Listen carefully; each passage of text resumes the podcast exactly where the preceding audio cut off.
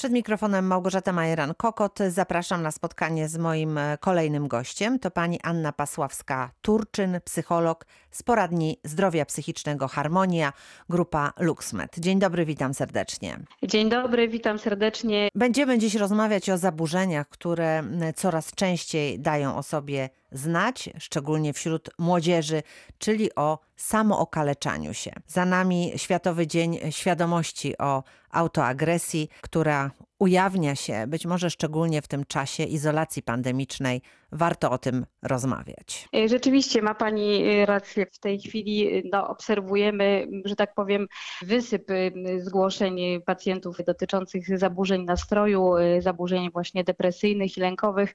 I okazuje się bardzo często, że ten pierwotny temat, z którym się zgłaszają, rzeczywiście nie, nie tylko dotyczy takich typowo znanych nam ogólnie objawów depresyjnych, tylko rzeczywiście wiąże się bardzo często też z autoagresją, samookaleczaniem się.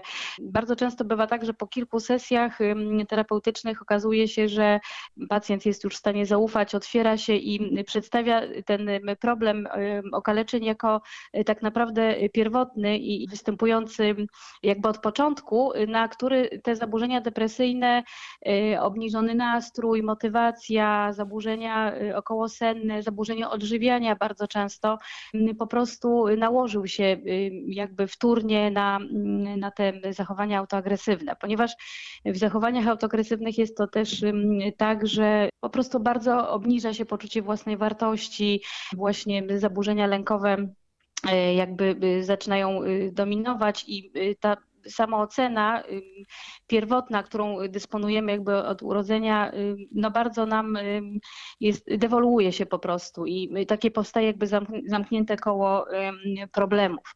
E, także mm, bardzo różnie to wygląda w różnych grupach wiekowych. To jest też taki trochę mit, y, że wydaje nam się, że samookaleczenia dotyczą właściwie y, dzieci, a przede wszystkim głównie młodzieży. Nie jest, y, nie jest to tak do końca.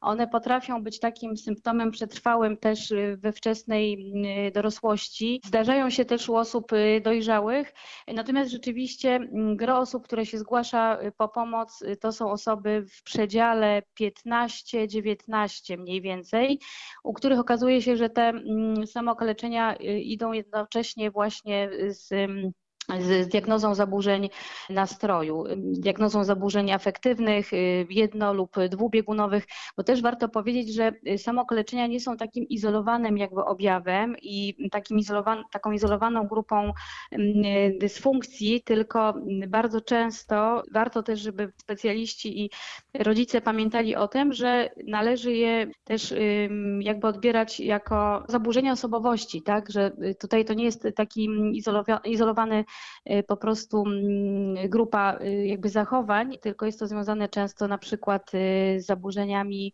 osobowości popularnie zwanymi borderline, czyli osobowością z pogranicza, albo chorobą dwubiegunową afektywną z hadem, tak? I to bardzo jest istotne, żeby mm, o tym pamiętać, że to się nie wzięło znikąd i że to nie jest tylko, bo to oczywiście samookaleczenia to jest taka próba y, szybkiego, łatwego stosunkowo zniesienia napięcia emocjonalnego, e, też taka próba ukarania się. E, oczywiście tu podstawą jest ta obniżona, y, obniżone poczucie własnej wartości, takie poczucie niezrozumienia, y, szczególnie w rodzinie czy w grupie rówieśniczej. Natomiast to nie jest takie przypadkowe i takie oczywiste, jasne. Za tym z reguły idą zaburzenia osobowości. No właśnie, tak ja chciałam tutaj doprecyzować, mhm. żeby wszyscy mieli jasność. Mówimy o, o młodzieży, która mhm. siedzi na zdalnym nauczaniu, siedzi przed komputerami, telefonami. Oprócz oczywiście nauki obserwuje świat, który podaje internet. Mhm. Piękne, wystylizowane dziewczyny, mężczyźni, chłopcy i to jest taki moment, kiedy mhm. może się zdarzyć tak, że właśnie ten młody człowiek mówi: Wow, a ja jestem taka brzydka, a ja jestem taki mhm. brzydki, oni są tacy piękni, takie mają fajne ciuchy. I czy to jest e, ten moment, kiedy rzeczywiście może dojść do takiego zatracenia własnej wartości, co w konsekwencji może prowadzić do samookaleczania? Czy to mhm. też jest związane z pewnymi dysfunkcjami organizmu, prawda? Że jest to jakaś choroba, tak. że jakieś problemy związane też z mózgiem. Mhm. Jak to się wszystko razem składa, żeby, żeby móc to rozpoznać? Mhm. To oczywiście y, ma Pani tutaj rację. Rzeczywiście y, pacjenci y, trafiają głównie właśnie po takich obserwacjach, właśnie obserwując media, uczestnicząc w najróżniejszych forach, portalach społecznościowych, jakby uważają, że ich problem wychodzi właśnie, wynosi się jakby stamtąd, tak, z tych obserwacji takiej presji społecznej, zwłaszcza skierowanej ostatnio chyba ku, ku młodzieży, żeby wyglądać świetnie, czuć się świetnie, być zawsze w takiej pełnej dyspozycji, zawsze takim pełnym energii. I to rzeczywiście tak jakby z grubsza to tak wygląda i tak to pacjenci podają, że jakby nie dorównują tym wzorcom i mają wrażenie, że stąd na przykład później taka próba poradzenia sobie z emocjami jak, jak samookaleczenia, czy, czy równocześnie idąca bardzo często z tym anoreksja, bo o tym, o tym zapominamy, że te problemy są często bardzo skorelowane i idą w parze. I to rzeczywiście tak jest, że tak się wydaje, że to, że to chodzi tutaj o to, natomiast y, wydaje mi się, że to jest tak, że musi trafić na podatny grunt jakby, jakby ten y, problem. Ktoś, kto jest y, stabilny, osadzony w realiach rodziny, ma jej pełne wsparcie, zrozumienie, dziecko, które codziennie rozmawia z rodzicem ma takie poczucie, że może mu zaufać i przyjść jakby z każdym tematem i nie będzie e, oceniane i, i rodzic będzie jakby e, podążał za czasami no być może abstrakcyjnymi potrzebami nastolatka, to wydaje mi się, że na tyle będzie jakby bezpieczny emocjonalnie, że, te, że nie będzie tak, nie będzie postrzegał jakby swojej wartości poprzez właśnie wygląd, ubrania, stan posiadania, popularność w klasie, że wtedy będzie trudniej jakby mu zachorować. Natomiast też pamiętajmy, że samokaleczenia to jest pewien typ uzależnień, jakby behawioralnych, tak, że uzależniamy się od jakiegoś działania, jakiegoś zachowania, które przynosi nam szybką ulgę, a to z kolei jest mocno skorelowane z genetyką, tak. Uważa się, że na przykład zaburzenia y, osobowościowe z zakresu borderline y, nawet 80% tutaj dziedziczności jakby zauważamy. Bardzo często przychodzą pacjenci, u których w wywiadzie okazuje się, że mm, jednak w rodzinie, nawet tej najbliższej, właśnie rodzic albo rodzeństwo y, również są y, chore. Także y, ta genetyka jakby nie jest tu bez znaczenia, natomiast można sobie z nią jakby poradzić, pomóc, tak, przez odpowiedni styl komunikacji z dzieckiem. Także, Czyli może tak tutaj to... Mhm. potrzebnych jest kilka czynników, które jakby zejdą się w tak. jednej osobie, tak? Czyli być Dokładnie. może jakieś zaburzenia genetyczne, do tego jakieś problemy tak. w domu czy w środowisku i w pewnym momencie to wszystko przerasta. Okazuje się, że trzeba sobie z tym napięciem jakoś poradzić mhm. i z takich czy innych powodów e, człowiek sięga po nóż, żyletkę, szkło i zaczyna się samookaleczać, chociaż to nie tak. tylko jest e, cięcie się ostrymi przedmiotami, ale są również e, inne mhm. te sposoby samookaleczania, prawda? No właśnie, właśnie warto na to zwrócić uwagę, bo to znowu jest trochę taka mitologia wynikająca z filmów, zwłaszcza z filmów amerykańskich, które bardzo dobrze, że pokazują jakby problem, są w jakimś sensie psychoedukacyjne i to jest y, godne podkreślenia, natomiast też pokazują y, w takim bardzo dużym zawężeniu y, to zagadnienie, bo oczywiście to nie jest tylko nacinanie się żyletkami, szkłem, jakimś ostrym przedmiotem w miejscach, które są z reguły mało widoczne, prawda, czyli nie wiem, uda, kostki, nadgarstki, czyli to, gdzie dziecko może te miejsca po prostu ukryć ubraniem, czy tam jakąś y, bransoletką, y, gumką i tak dalej. Tylko czasami to są dużo bardziej subtelne jakby mm, zachowania, zwłaszcza u dorosłych. One są y, jakby mniej spektakularne, czyli to może być nawet, a zwłaszcza u małych dzieci. Zwróćmy uwagę na to, czy dziecko coś nam relacjonując, na przykład jest tak rozemocjonowane, że nie wiem, uderzy się y, w, głowę, tak, y, jakby tak na zasadzie klepnie się w czoło, że o co ja powiedziałem, tak, to zwróćmy na takie y, sygnały. To jest na przykład zrywanie skórek wokół paznokci, tak, do krwi.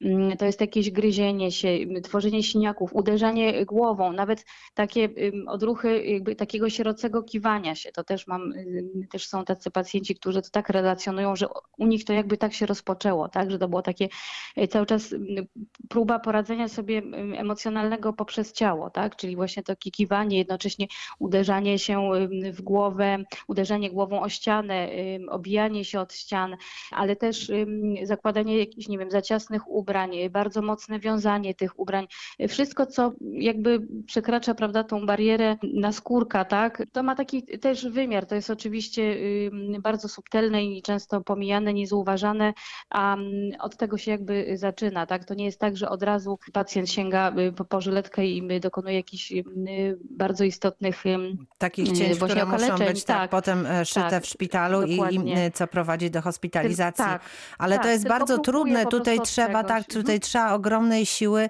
i obserwacji, dlatego że te osoby mhm. bardzo często y, no, próbują to ukryć, prawda? Nie chcą tak. się tym e, e, chwalić, czy nie chcą, żeby kto inny to widział. I są nawet takie e, filmy, które mówią o tym, jak ukryć ślady właśnie po samookaleczaniu.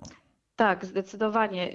Właśnie nawet jest to znamienne podczas procesu terapeutycznego. Niesamowicie zaskakujące było dla mnie to, że odbyłyśmy z pacjentką wiele y, sesji, parogodzinnych właściwie i dopiero mimo, że wydawało się, że ona ma pełne zaufanie do mnie, y, w ogóle przyszła zupełnie z innym problemem.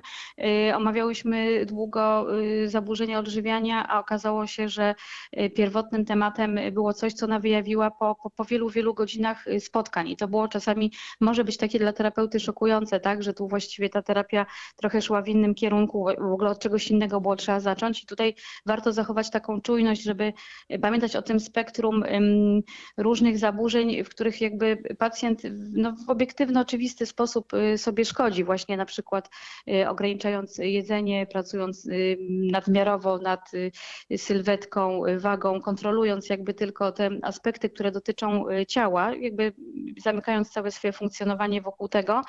Tylko należy pamiętać, że to nie jest jakby jedyny objaw, tak? Że właśnie przy tej, przy tych, nie wiem, takich permanentnych głodówkach, to, to jakby to też nie będzie właśnie izolowanym objawem, że tutaj bardzo często dochodzi jeszcze do innych zachowań takich autosabotujących właśnie okaleczeń. Także warto o tym pamiętać, że to jest takie tabu, tak? Nawet dla pacjenta, który przychodzi z zamiarem wyjawienia jakby całego spektrum swoich problemów, okazuje się, że to jest tak trudne i tak jeszcze u nas mm, jakby y, pomijane, dewaluowane, pacjent jest tak pejoratywnie społecznie odbierany, który się samo okalecza, y, że nie jest w stanie nawet y, zaufać i opowiedzieć o tym od razu mhm. na terapii. Także też no, duża rola właśnie tutaj mediów, żeby temat pokazywać, pokazywać, że można sobie z tematem poradzić, no że właśnie, to jest taki do tego apel, Tak, do tego radzenia bym chciała przejść, mhm. bo z tego, co pani mówi i z tego, co e, słyszymy, ten problem autoagresji mhm. narasta. Stąd może też Światowy Dzień Świadomości o Autoagresji mhm. jest takim sygnałem, że trzeba o tym problemie mówić i trzeba się z nim oswoić, bo jest wokół nas. Co robić? Jak sobie, jak mhm. sobie radzić? I czy to w ogóle jest problem, którego możemy się pozbyć w życiu? Czy to będzie gdzieś mhm. zawsze z nami?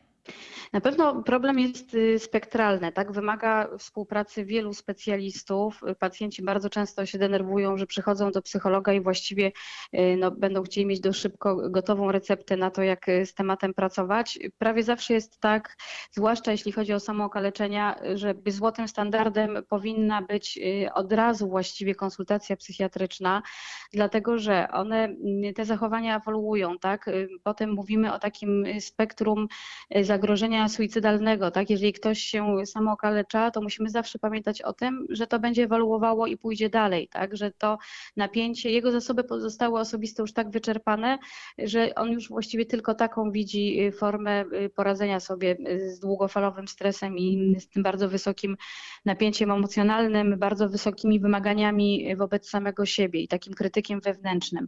Także należy pamiętać, że to jest taka sytuacja alarmowa i nigdy nie należy poprzestawać właściwie właściwie tylko na konsultacjach psychoterapeutycznych czy psychologicznych, tylko należy od razu właściwie y, pacjenta skierować na konsultację psychiatryczną, żeby ocenić po prostu skalę y, zjawiska i, i czy tutaj już jest jakby ten etap, żeby włączyć y, farmakoterapię, właściwie no zawsze jest, dlatego że tutaj musimy wyjść od tego, o czym mówiłam na początku, czyli od tych zaburzeń nastroju i zaburzeń depresyjnych, tak? Trzeba tutaj to dobrze E, zdiagnozować, czy to jest ta e, forma prawda, jednobiegunowa, dwubiegunowa, czy to jest taka forma wieloletnia przetrwałego obniżania się nastroju, czyli dystymia, tak? Trzeba tu dobrze to jakby mm, rozgraniczyć i praktycznie y, z moich doświadczeń wynika, że właściwie nie da się pracować z pacjentem takim autoagresywnym bez wsparcia przynajmniej no, kilkumiesięcznego na początku farmakoterapeutycznego. Także ja właściwie nigdy się nie waham i zawsze współpracuję jednocześnie y, z psychiatrą. Natomiast oczywiście pacjent tego typu wymaga też y, stałego wsparcia y, terapeutycznego pod postacią psychoedukacji, tak? czyli jak sobie radzić z bieżącym napięciem emocjonalnym, jak radzić sobie w sytuacji różnych konfliktów rodzinnych, właśnie też tych konfliktów wewnętrznych, lojalnościowych, bo te zaburzenia powstają na kanwie takiego poczucia bycia nieadekwatnym, tak? jakby funkcjonowania w jakimś konflikcie, że y, skazujemy siebie, wymuszamy na sobie pozostawanie w jakiejś sytuacji, w której no tak naprawdę nie chcielibyśmy dłużej trwać, ale nie mamy wyjścia, tak, bo z różnych względów musimy w danej sytuacji y, pozostawać. Albo na przykład, y, jeśli chodzi o młodzież, jest to na przykład próba narzucenia wyboru kierunku studiów, tak, zupełnie czym innym dziecko się interesuje, rodzic ma zupełnie jakąś inną jego wizję e, przyszłości e, i tu mamy, powstaje nam ten konflikt e, właśnie wewnętrzny, lojalnościowy, czy pójść jakby za, za głosem własnym, tak, własnych potrzeb, czy do świętego tak. spokoju mm -hmm. zrealizować ambicje kogoś innego. Także tu zawsze ta trudność polega na tym, że to jest praca na bardzo wielu płaszczyznach. Musimy pacjenta nauczyć, jak się relaksować, czyli całe spektrum technik relaksacyjnych, uczymy tego w gabinecie, tak? Że to nie jest tylko to wiem, oddychanie przeponowe, mindfulness, yoga. Y, owszem, oczywiście, czy techniki uziemiania, my to wszystko jakby stosujemy, ale też bardzo ważne są takie długie treningi, y, których uczymy pacjentów, y, czyli te treningi mm, relaksacji autogennej, tak? Czyli trening Schulza, Jakobsona. To są świetne narzędzia, pacjenci są bardzo nieufnie nastawieni do nich, bo uważają, że to jest coś z grupy, nie wiem, szamanizmu, że to nie jest jakby jakby poparte naukowymi próbami, natomiast oczywiście nie jest to prawdą. Y, zdecydowanie są to narzędzia y, sprawdzone klinicznie i świetnie działające. A proszę jeszcze powiedzieć, no właśnie, proszę powiedzieć, na czym mhm. polegają te techniki? No to jest taka też praca z własnymi myślami, więc my, y, my dajemy podczas zajęć terapeutycznych różnego rodzaju dzienniczki, dzienniczki emocji, dzienniczki myśli. To jest praca nad przekonstruowaniem różnych nieadekwatnych, krzywdzących konstruktów myślowych myślowych. Bardzo często osoby okaleczające się działają na bardzo różnych skrajnych biegunach emocjonalnie, tak? czyli od jakiejś absolutnej fascynacji daną osobą, po za chwilę, po paru godzinach czy dniach y, kierując się ku takiej dewaluacji, y, nie wiem, danej znajomości, przyjaźni, bo na przykład koleżanka nie przyszła na umówione spotkanie z jakichś obiektywnych powodów, tak? bo, bo po prostu nie mogła, bo nie wiem, źle się poczuła, coś innego wypadło. Taka osoba y, z zaburzeniami osobowości których konsekwencją właśnie czasami są samookaleczenia, myśli w sposób y, taki odrealniony, tak nieadekwatny do sytuacji, że to ze mną coś jest nie tak, że ja jestem beznadziejna, jestem do niczego, nikt mnie nie akceptuje, nikt mnie nie lubi, jestem niepotrzebna. No więc co, z takim nadmiarem emocji, y, z taką gonitwą myśli, no co możemy zrobić szybko? No właśnie spróbować jakoś y, szybko, efektywnie, prosto odreagować. Tak? Rozładować no, ciało to jest coś, tak, mhm. coś nam najbliższego, jakby jest pod ręką, tak, to ciało więc, więc jeżeli nauczymy się konstruktywnego radzenia sobie poprzez właśnie e, rozbijanie tych myśli na czynniki pierwsze, zapisania ich sobie, że owszem, dobrze, koleżanka nie przyszła na spotkanie, ale być może miała obiektywne powody i to jakby nic nie oznacza, ja jestem ok, ona jest ok, to jeżeli nie, nie, znajdziemy, nie będziemy umieli popracować z tymi myślami i przerobić je jeszcze na jakieś działanie e, fizyczne, tak, żeby te emocje rzeczywiście w taki realny sposób zrekonstruować, prawda, przewartościować, czyli na przykład y, jeżeli będziemy potrafili jakby tak samo uspokoić się, że tak powiem i skorzystać z jakiejś, nie wiem, formy rekreacji, z tego co lubimy, wyjść na spacer, no to będziemy sięgali po najprostsze i takie mocne y, rozwiązania, które wiemy, że już działają, no ale oczywiście y, niekonstruktywne. Jest to trudne, tak, bo to łatwo powiedzieć wyjdź na spacer, wyjdź na basen, nie wiem, wyprowadź psa na dwór, prawda, to jakby pacjentowi, który się mierzy jednocześnie z obniżonym y, nastrojem, to bardzo ciężko jakby tak skorzystać z tych oczywistych, prostych narzędzi, które de facto działają, tylko trzeba znaleźć siłę, możliwości, żeby z nich skorzystać i dlatego często musimy wprowadzić farmakoterapię, tak, żeby jakby stonizować te uczucia, emocje i móc nad nimi w jakiś taki sposób racjonalny, behawioralny popracować, tak, dlatego te techniki właśnie poznawczo-behawioralne są też tutaj świetne i jednocześnie właśnie ta praca z psychiatrą i, i terapeutą no, przynosi naj, najlepszy y, ewidentnie skutek. Bardzo dziękuję za dzisiejszą rozmowę. Mam nadzieję, że jest to pierwszy sygnał, żeby Państwa uczulić na pewne sytuacje, które mogą pojawić się w rodzinie czy wśród bliskich. A rozmawiałam dziś z panią Anną Pasławską-Turczyn, psychologiem z poradni zdrowia psychicznego Harmonia. Bardzo pani dziękuję za to spotkanie. Dziękuję bardzo, dziękuję Państwu serdecznie. Dziękuję Małgorzata. Majeran-Kokot, ja również dziękuję i do usłyszenia.